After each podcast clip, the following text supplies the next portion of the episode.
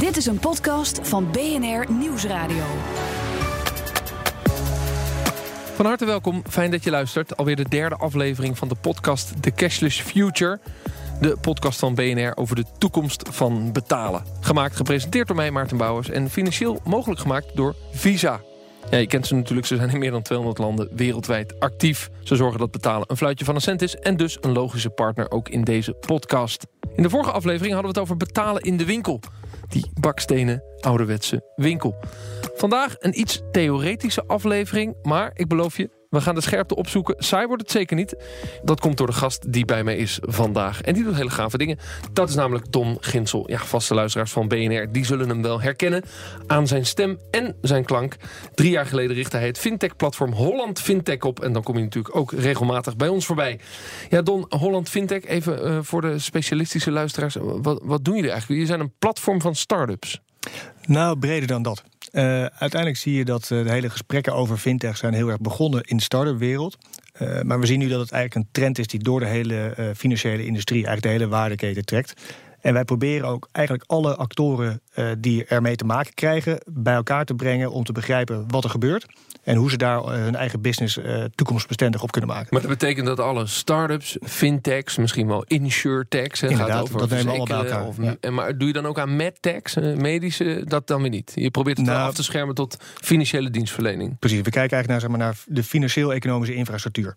Uh, we zien dat zeg maar, uh, uh, oplossingen die gericht zijn op inderdaad medische ingrepen, wat verder van ons afstaan. Maar als je bijvoorbeeld hebt over de administratie voor de verzekeraars van, van, van medische kosten, of bijvoorbeeld de administratie van ziekenhuizen, wel relevant zijn. Dat sluit weer wel direct aan. Juist. Al die start-ups in die financiële dienstverlening, die breng je bij elkaar als platform.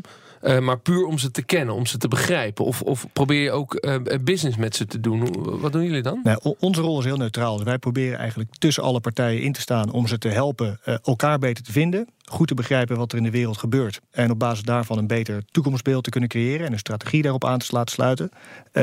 en voor de rest zie je dat eigenlijk steeds meer van die digitale oplossingen zich gedragen als kleine stukjes van een puzzel. Uh, zeker door de, de opkomst van API's. dus dat zijn hele makkelijk toegankelijke digitale aansluitingen van uh, digitale diensten. Die maakt het dat je eigenlijk heel makkelijk dingen kunt combineren. En dat betekent dus dat al die oplossingen die beschikbaar zijn, steeds meer uh, op allerlei verschillende manieren gecombineerd kunnen worden tot nieuwe digitale diensten. Oké, okay, ik had al gezegd, het kan theoretisch worden. API's, nee, ja, uh, uh, koppelingen, diensten op elkaar aansluiten. Laten we proberen dat ook praktisch te maken. Nog even naar dat fintech-klimaat. Jullie bestaan pas drie jaar als Holland Fintech. Mm -hmm. heeft Nederland een, een bijzonder fintech-klimaat, anders dan andere landen? Nou, je ziet dat inderdaad de, de, over, over de grenzen heen de, de cultuur eromheen erg verschilt. Uh, je ziet dat zeg maar, hoe noordelijker je in Europa zit, hoe digitaler het eigenlijk al is. Dus ik denk dat als je kijkt naar onze gebruikservaring als, uh, als consument, dat we aardig in de buurt komen van hoe het ook in, uh, in de Scandinavische landen gaat. Maar je ziet dat op heel veel verschillende plekken de cultuur heel anders is rondom geld. Kijk bijvoorbeeld naar Duitsland, waar cash nog steeds king is. Waar in Nederland eigenlijk toch bij voorkeur iedereen zijn pinpas trekt als hij wat wil betalen. Ja, nou ja, dat zeg je nou wel. Maar ik heb al geleerd in deze podcast dat er nog steeds 45% contant wordt betaald in de winkel. het is schokkend, maar de betaalvereniging heeft in ieder geval de ambitie om het snel naar beneden te brengen. Ja. Maar in Zweden zitten we al op 5%. Nou, dat schijnt een ander bijzonder verhaal te zijn hoe de overheid dat gestimuleerd heeft. En dan denk ik, ja, dan kan het dus wel. Het kan dus, zeker. Dus, dus ja. zover lopen we niet voorop, denk ik dan. Nou, ik denk dat je, als je kijkt naar bijvoorbeeld hoe e-commerce in Nederland draait, uh, dat je ziet dat er eigenlijk ontzettend veel bereidheid is om online zaken te doen. En dus wellicht inderdaad dat er ook nog steeds heel veel cashgeld in omloop is. Maar ik denk dat tegelijkertijd zien we ook dat bijna iedereen uh, online ook boodschappen doet. Dat is een feit. Ja. ja. En, en, en dat zegt iets over het klimaat in Nederland. Ja. Uh, maar voor de ondernemers, voor de start-up ondernemers, de fintech ondernemers... Uh, is het daardoor, doordat wij zo digitaal georiënteerd zijn... ook makkelijker zo'n start-up hier groot laten worden? Nou, dat, ja om te starten, niet om te groeien per se. Uh, dus, hè, dus dat is altijd een beetje de uitdaging, denk ik, voor uh, startende bedrijven in Nederland, is dat de thuismarkt vrij klein is. Dus op het moment dat je alles hebt afgestemd op de lokale cultuur en taal, is je groeibereik heel beperkt. Uh, daar, daar, zie je natuurlijk wel naast dat wat, wat goed kan, is dat je best wel makkelijk Engelstalige diensten kunt lanceren in Nederland. En dat je daarmee dus eigenlijk ook iets kunt creëren wat al heel snel een veel groter bereik heeft. En wat, maar dat maakt bijvoorbeeld dus ook aantrekkelijk in Nederland om als Engelstalig bedrijf je product hier te lanceren. Dat zie je bijvoorbeeld dus ook vanuit Engeland of de Verenigde ja, Staten. ook omdat Nederlandse uh, uh, retailers bijvoorbeeld geen moeite hebben met een Engelstalige dienst. En, en, allerlei Engelstalige begrippen. Precies. Dus en dat is zeker business to business het geval. Hè? Ja. Uh, consumenten zal natuurlijk soms vinden mensen nog heel prettig om gewoon in het Nederlands bediend te worden. Ja. Maar ik bedoel, in Amsterdam uh, is het aantal coffeeshops waar je niet in het Nederlands geholpen kunt worden ook al behoorlijk aan toenemen. Absoluut. Er zijn retailers in Amsterdam. Als je die opbelt, wordt er in het Engels opgenomen. En is er niemand die Nederlands spreekt. Dus het komt voor. Maar dat komt omdat er dan vooral Chinezen en Russen komen. Maar oké. Okay. Um, dan, uh, dan hebben we dus die starters allemaal bij elkaar. Uh, hebben wij als Nederlandse consumenten er ook iets aan... dat, dat jij in Holland fintech-platform hebt opgericht? Dat wel. Waarin al die waarin kennis bij elkaar Of is het echt een business-to-business verhaal? Nee, ik, zal wel kort uitleggen wat onze ambitie daar is. Overigens, wij brengen dus naast de start-ups... ook echt de uh, traditionele partijen bij elkaar. Dus we brengen de banken, de verzekeraars, de pensioenfondsen... ook investeerders in fintech, uh, adviseurs, advocatenkantoren... de toezichthouders, de overheid, iedereen bij elkaar. Omdat namelijk als niet iedereen dezelfde taal spreekt... en als, als er een verschillend beeld bestaat over waar die toekomst heen gaat... dan ontstaan er kinken in de kabel. Dus wij denken dat er zoveel mogelijk partijen bij elkaar... hetzelfde beeld moeten hebben van hoe die industrie zich ontwikkelt. En dat betekent dat je vier keer per jaar een groot congres organiseert? Wij doen zo'n 80 evenementen per jaar. Uh, van hele kleintjes, waarbij we specialisten rond de ronde tafel zetten... om met elkaar van gedachten te wisselen... tot inderdaad hele grote evenementen waar we die kennis breder willen delen. Ja, nou hebben start-ups geen geld om daaraan uit te geven... dus dat betekent dat de banken en de verzekeraars dat betalen? Nee, wij, laten, wij vragen al onze uh, members om een bijdrage te doen. En dat, maar dat schalen we wel met de omvang van het bedrijf. Ja, precies. Uh, ja. Dus inderdaad, in de kern wat je net vroeg... Uh, van is het nu business to business? Ja, wij zijn nu een business-to-business platform met name. Omdat we zien dat daar op, rondom de aandacht van fintech... het gaat nog heel erg op dat vlak van hoe kunnen bedrijven zichzelf opnieuw uitvinden... en kijken dan naar business oplossingen daarvoor. Ons doel is uiteindelijk wel om te zorgen dat dat zorgt voor meer aanbod voor consumenten. Dus meer keuze, meer concurrentie. En als het goed is, daarmee betere oplossingen of goedkopere oplossingen. Uh, maar onze ambitie is uiteindelijk ook wel om verder door op te schuiven en te kijken van hoe kunnen we nou ook consumenten. En, en beginnen eigenlijk in eerste instantie met uh, partijen buiten de financiële industrie. Die hebben vooralsnog nog niet heel veel aandacht voor, uh, voor fintech. Maar zoals je vroeg naar healthcare net. Het is heel logisch dat je ook vanuit een healthcare hoek gaat kijken hoe je je financieel-administratieve processen gaat verbeteren. Want ja, daar dus valt gewoon geld te verdienen. impact van het fintech-denken steeds groter maken. Maar uiteindelijk, ja, je heet niet voor niets Holland Fintech. Het is ook een internationaal exportverhaal. Uiteindelijk is Adyen als een van de, van de parels erin...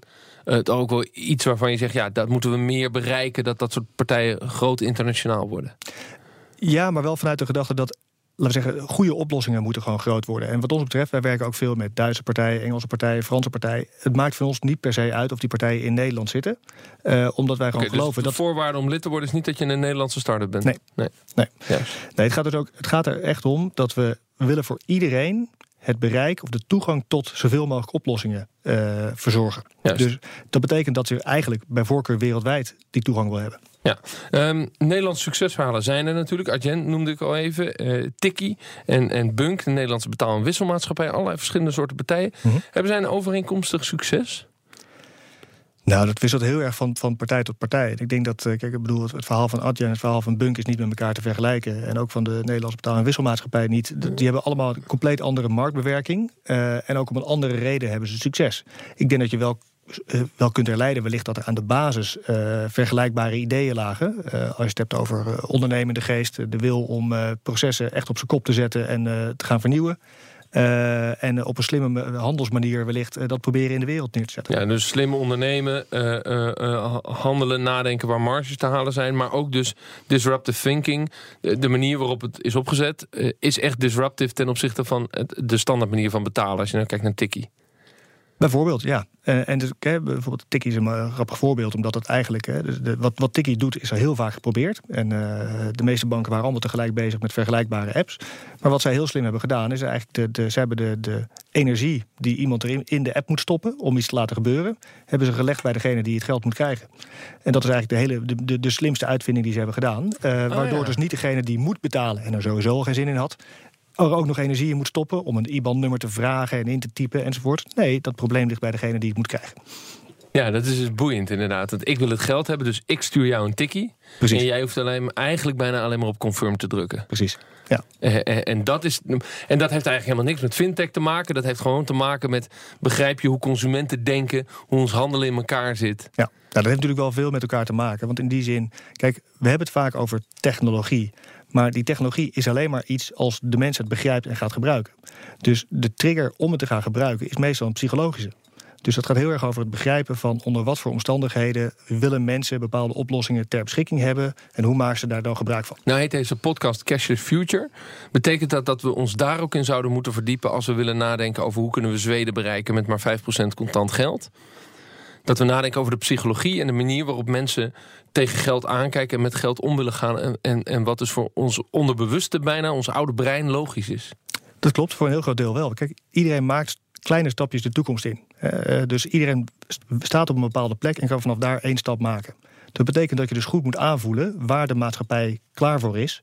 Want vanaf daar kun je een stapje vooruit. Ja, maar soms moet je ook een beetje uh, doorbreken. Om, om vaste patronen te doorbreken van mensen die met contant geld betalen. Dat het helemaal niet meer nodig is. Dat klopt, maar dan moet wel de, de, de upside moet groot genoeg zijn. He, dus, dus op het moment dat, je er, dat mensen er te weinig mee winnen zullen ze niet veranderen. Omdat verandering altijd een risico met zich meebrengt, moet dus het beloofde rendement moet ook hoog genoeg zijn. Ja, en nou zijn er dus mooie voorbeelden in die hele brei aan, aan fintech-bedrijven. Kun jij bedrijven die ik niet ken noemen, misschien één of twee kleine start-ups, waarvan je zegt, ja, dat, dat zijn initiatieven, daar gebeurt iets, dat heb ik al gezien.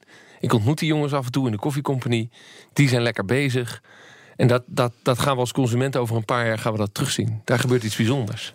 Nou, dat is een hele lastige vraag. Behalve het feit dat ik alleen dat ik niet precies weet wat er in jouw hoofd allemaal uh, gebeurt. Nou ja, en dat je al gezien uh, hebt. Maar, maar nee, laten we zeggen. De, de, ik zie zoveel bedrijven dat het soms lastig is om ze allemaal individueel te noemen. Maar ik kan wel een paar trends noemen die wellicht, denk ik, interessant zijn. En, en, maar die zitten niet altijd bij kleine nieuwe bedrijven. Soms zie je namelijk ook, hè, ik denk dat het interessant is dat je, hier wordt veel over gesproken, is dat de beleving van betalen, zoals Uber die levert, dat we die waarschijnlijk op veel meer plekken gaan tegenkomen. Ja, dat is een trend, zeg jij. Precies. En die beleving van betalen is heel simpel. Ik heb hem niet door. Precies. Je geeft eigenlijk een mandaat aan ja. iemand. En die gaat namens jou de betalingen afhandelen. Uh, en uh, de, het vaststellen dat er een transactie is geweest, wordt op een innovatieve manier gedaan. Ja, en, en, en de beleving bij de consument is: ik stap in een taxi, ik stap uit een taxi. Ik, er wordt betaald, maar het is geen negatieve ervaring, want het gebeurt eigenlijk niet in mijn gezichtsveld. Precies. Ja. Oké, okay, dus dat is een trend. De tweede trend die je eruit ja, dat, die, daar, daar wil ik in ieder geval op doorborduren. Want daar zie je bijvoorbeeld dus dat Amazon... Uh, die heeft ook zo'n nieuw winkelconcept gemaakt... waarbij eigenlijk op dezelfde manier werkt. Dus je loopt een winkel in, pak je spullen, je loopt je winkel uit en je bent klaar. Juist. Uh, en dus dat is natuurlijk dat iets wat mensen in ieder geval altijd een weerstand hebben gehad om te bedenken, ja, kan dat wel? Ja, daar hebben we het in wel? onze tweede aflevering van de podcast uh, ook over gehad. En, en dat leek uh, toen toch nog voor de, voor de klassieke retailers in Nederland nog een, nog een end, end ver weg. Er is een testwinkel inderdaad. Maar voor de gewone retailer leek dat nog heel ver weg. Denk je dat het snel gaat? kijk, ik, ik, denk dat inderdaad heel veel mensen nog. Kijk, vanuit een retailer is misschien niet altijd op voorhand duidelijk wat het voordeel is. Uh, en zullen ze misschien denken: ja, ik kan er misschien een cashier uh, of een cashier mee besparen. Maar is dat nou de upside? Want ik heb geen controle meer bij de poortjes en wat kan er misgaan enzovoort. Dus weerstand altijd, maar dat is met alle veranderingen. maar dat heeft ook heel erg te maken met wat willen consumenten. Dus het gaat niet meer om kunnen we dit? Dat weten we nu. Het gaat er nu echt om wanneer zijn zeg maar, mensen mentaal er klaar voor om op die manier te gaan winkelen. En op het moment dat dat. Het is net als met de, met de mobiele telefoon. Het ene jaar nog zei iedereen, zei driekwart van de mensen: ik zal er nooit één nemen. En een jaar later had meer dan de helft van de mensen er een. Ja, maar dat kwam ook omdat ze er gewoon door de markt uh, neer werden gelegd. En dus soms moet je ook uh, de vraag creëren door het aanbod gewoon uh, te maken. Dat klopt. En uh, zeker als er sociale componenten in zitten. zoals bij een mobiele telefoon gaat het natuurlijk extra hard. maar dat zul je ook zien rondom winkelen. Op het moment dat er een ervaring wordt geleverd ergens die als benchmark gaat dienen. En mensen zeggen: oké, okay, dat is een goede ervaring, die wil ik nu overal hebben. Dan zal iedereen om moeten. Zoals contactloos betalen. Dat doen we nu allemaal standaard. Iedereen wordt er blij van. Ja. hoe lang geleden zag jij die technologie van contactloos betalen waarvan je dacht: ja, jongens, voer dat nou eens in. Schiet nou eens op.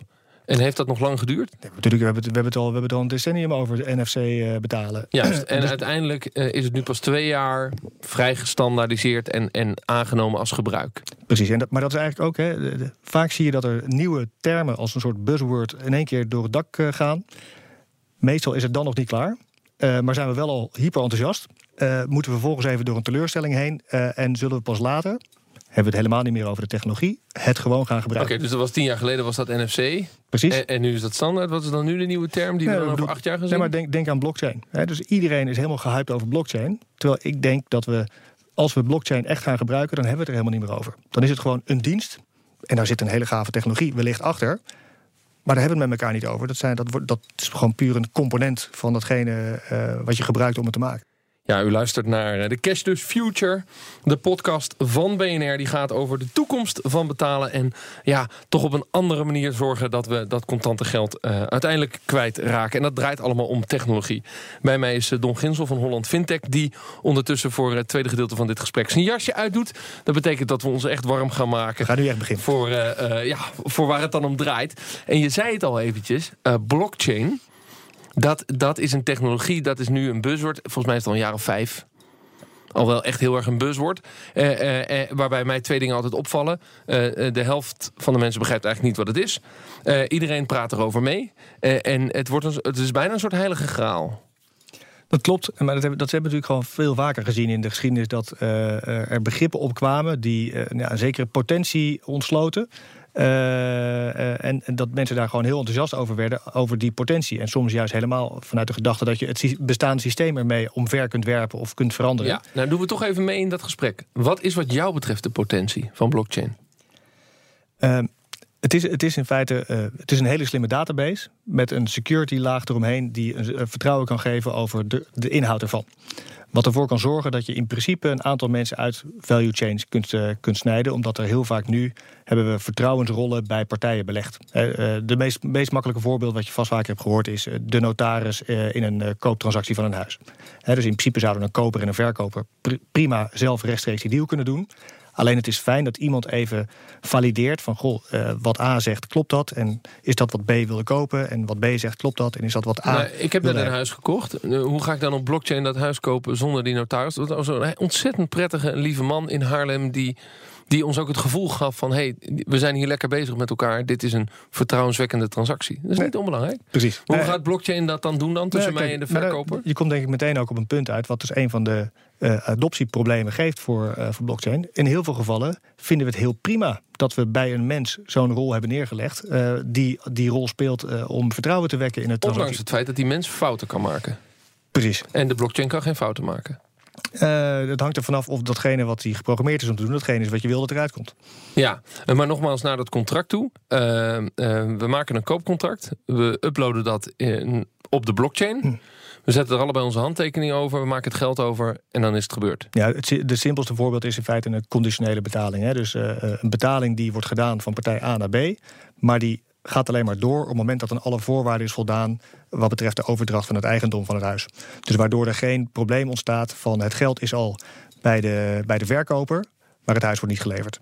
Nee, maar dat is feitelijk wat de notaris verzorgt. Want die heeft een derde rekening, zoals dat zo Precies. mooi heet. Ja. En omdat het via zijn derde rekening gaat, is het eigenlijk geborgd. Klopt. Dus, maar je kunt zo'n derde geldenrekening zou je dus gewoon kunnen programmeren op een blockchain, waardoor je dat niet meer hoeft te doen. Ja, Nu toch hoop ik dat mijn notaris gewoon in business blijft... omdat het zo'n lieve, amabele, prettige man was. Nou, dat kan. En, en, en hoe belangrijk vinden wij als consumenten... eh, zo'n zo'n vlees- en bloed tussenpersoon... eh, wat uiteindelijk een stuk weerstand geeft tegen de blockchain. Wat alleen maar nullen en enen zijn. Ja, we zeggen, ten eerste moet je deze discussie niet voeren op het gebied van blockchain. Dus, dus voornamelijk ook het voorbeeld wat ik noem, zou je ook met andere technologieën kunnen doen.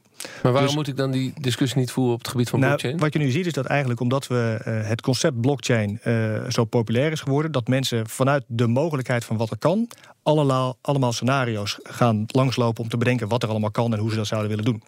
Maar dat staat in principe los van die technologie. Dus eh, op het moment dat er een dienst komt die gewoon beter is dan jouw notaris, ongeacht wat voor technologie die gebruikt, dan is dat pas een alternatief. En het gaat dus niet, dat is niet zozeer dat blockchain dat per se mogelijk maakt. Het levert een, eh, nieuwe manier waarop we dat zouden kunnen doen. Maar het gaat er in eerste instantie om, zit je erop te wachten? Is het een probleem? Juist, nou even terug naar die huizenkoperij. Eh, eh, voordat je een huis koopt moet je ook een hypotheek afsluiten. En ehm, in de hypotheekwereld eh, is er ook een grote trend die gaat over online advies. En uiteindelijk kun je een hypotheek afsluiten met een online advies...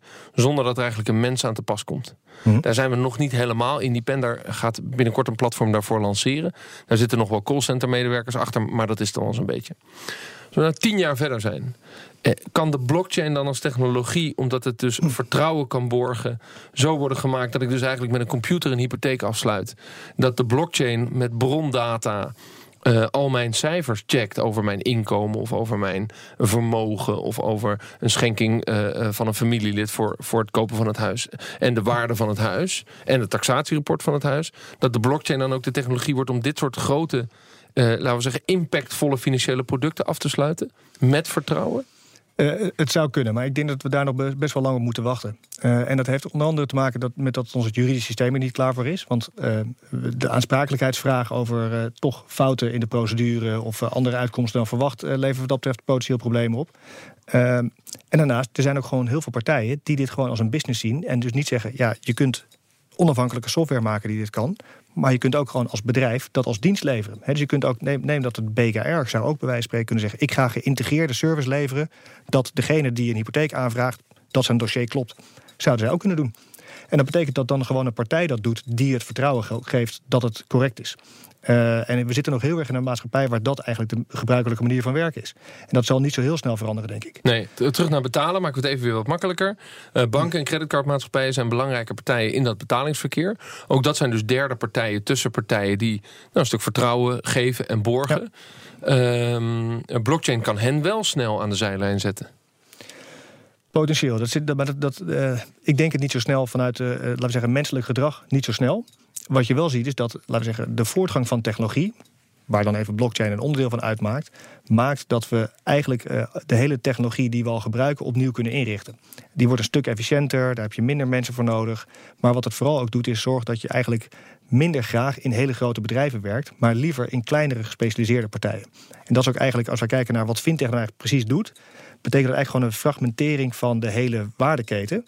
Omdat je, nou, als je nu customer onboarding wil doen, als je een klant wil worden bij een bank, ja, dat kan een bank allemaal zelf gaan bouwen om dat te doen. Maar er zijn nu hele gespecialiseerde bedrijven die kunnen valideren of jouw paspoort je juiste paspoort is. Uh, die bij spreken een gezichtscan kunnen maken om jou, uh, laten we zeggen, je toegang te gaan regelen.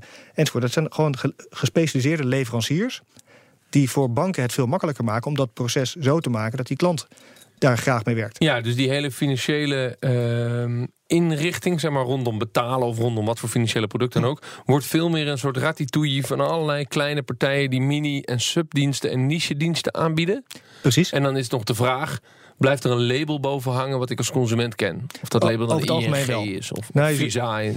Precies, je ziet over het algemeen wel dat we natuurlijk ook als consumenten heel prettig vinden om iets herkenbaars te hebben waar, wat we kunnen aanspreken. Ja. Uh, dus dat zal wel zo blijven. Alleen de vraag is inderdaad of de, de, de huidige banken uh, uh, snel genoeg meebewegen om die rol te kunnen vervullen. Want ze zullen wel echt, het wordt echt een ander wezen. Ja, nog, nog twee belangrijke um, uh, technische en ik noem het maar onderwater vragen. Want in deze podcast, de Cash Future, willen we natuurlijk zoeken naar ja, hoe ziet die wereld eruit zonder contant geld. en dat is ook gewoon in de winkel.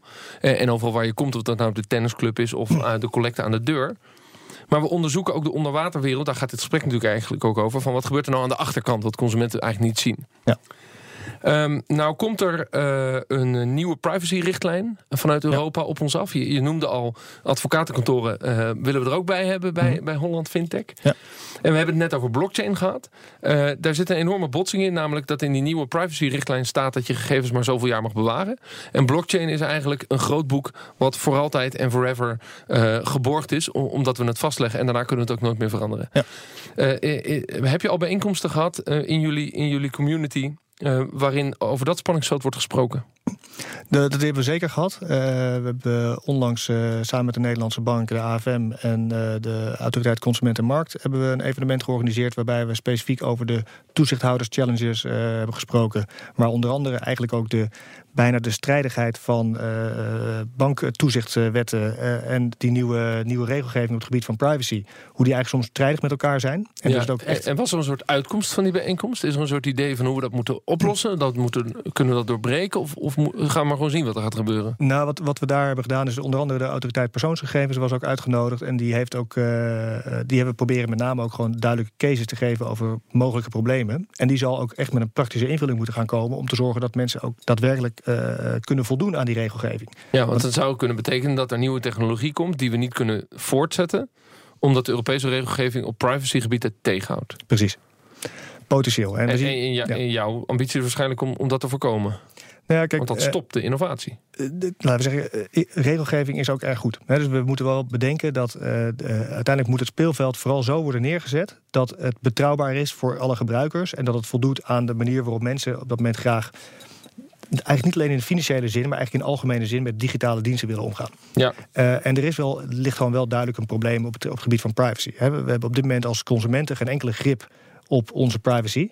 Uh, omdat uh, veel data gewoon al weg is en we niet goed in de gaten hebben wie wat heeft en wat hij daar precies mee doet. Ja, dus je zegt het is wel belangrijk dat die Europese richtlijn er is en dat die uitgevoerd gaat worden? Precies, maar er valt zeker, valt zeker ook commentaar op te hebben of de uitvoering haalbaar is en of dit dan de juiste manier is. Hè. Dus, dus Waar wij alleen proberen, wij, wij zijn geen lobbyorgaan. Dus wij proberen echt te zeggen, eh, jongens, het is goed om te begrijpen uh, wat er aan digitale ontwikkelingen is en wat dat voor impact heeft op onze financiële infrastructuur. Laten we zorgen dat iedereen dat begrijpt. Want als we daar een gedeelde uh, visie op hebben, dan komen als goed is ook qua spelregels en qua beleid, komt het als goed is ook bij elkaar. Maar wij gaan niet zeggen, die wet moet daar en daar veranderd worden. Daar zijn uiteindelijk eh, de brancheorganisaties zoals eh, de NVB of de betaalvereniging... zijn veel beter in staat om dat te doen. Oké, en het laatste punt waar ik het met je over wil hebben... komt ook uit Europa, dat heet dan PSD 2. Uh, oftewel de Payment Service Directive. Uh, Europese regels die ervoor zorgen dat bedrijven toegang krijgen... dat ik bedrijven toegang kan geven tot mijn betaaldata. Mhm. Banken moeten dat dan openleggen. Ja, wij nemen dit gesprek eind september in 2017 op. En ik lees nu overal, het is nog maar de vraag of we PSD2 op tijd ingevoerd krijgen. Eh, er staat een datum van 13 januari in de agenda. En het FD heeft ook geschreven van nou, dat gaan we waarschijnlijk nooit halen.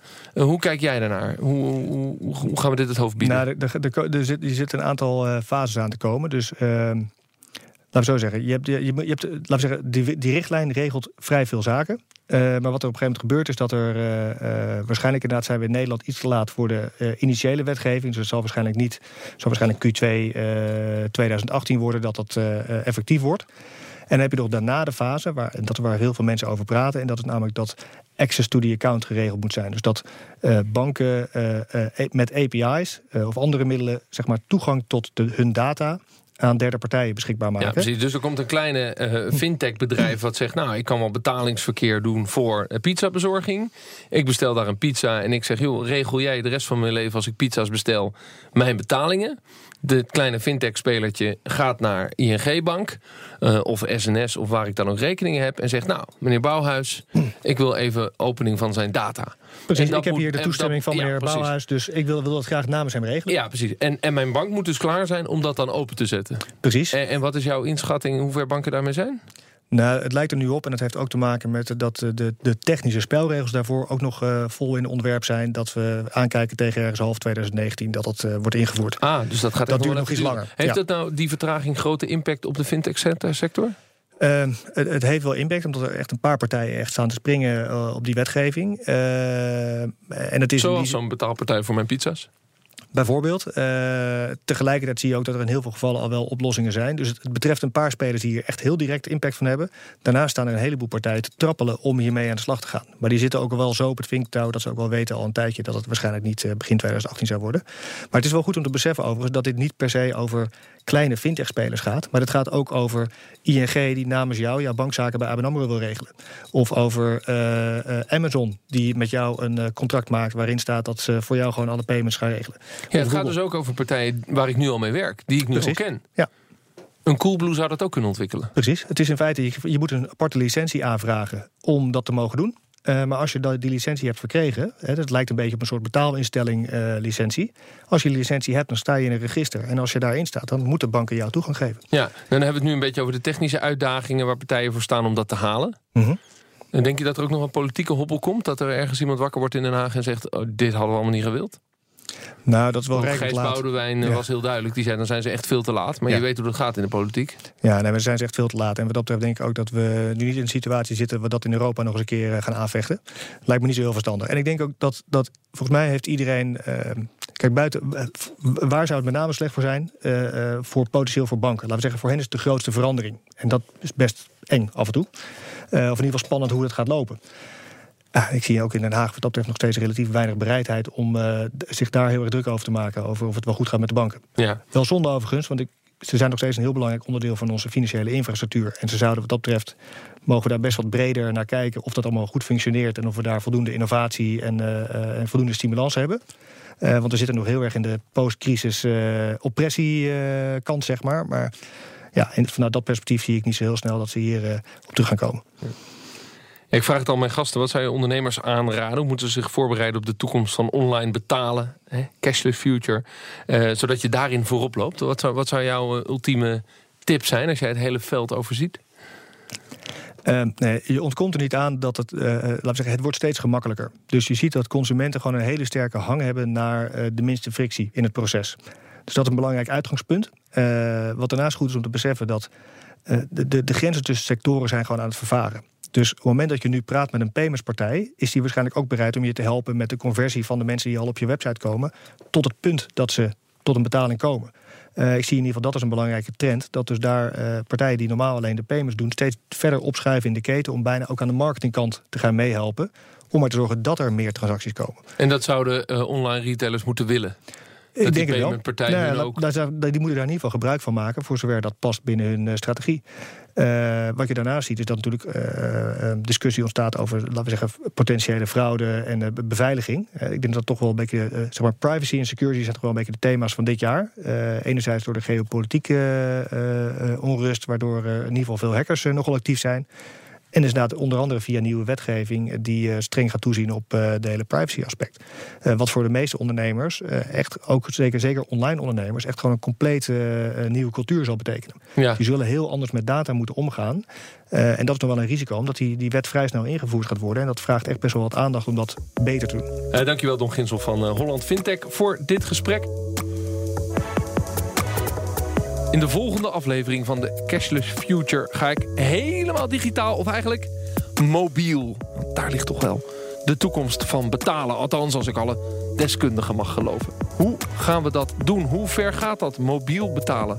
Luister daarvoor naar aflevering 4 van deze podcast. En als je de podcast wilt delen met andere geïnteresseerden, heel graag. Mocht je tegen problemen aanlopen, laat het me ook weten. We helpen erbij. We zijn gewoon bereikbaar via cashless.bnr.nl.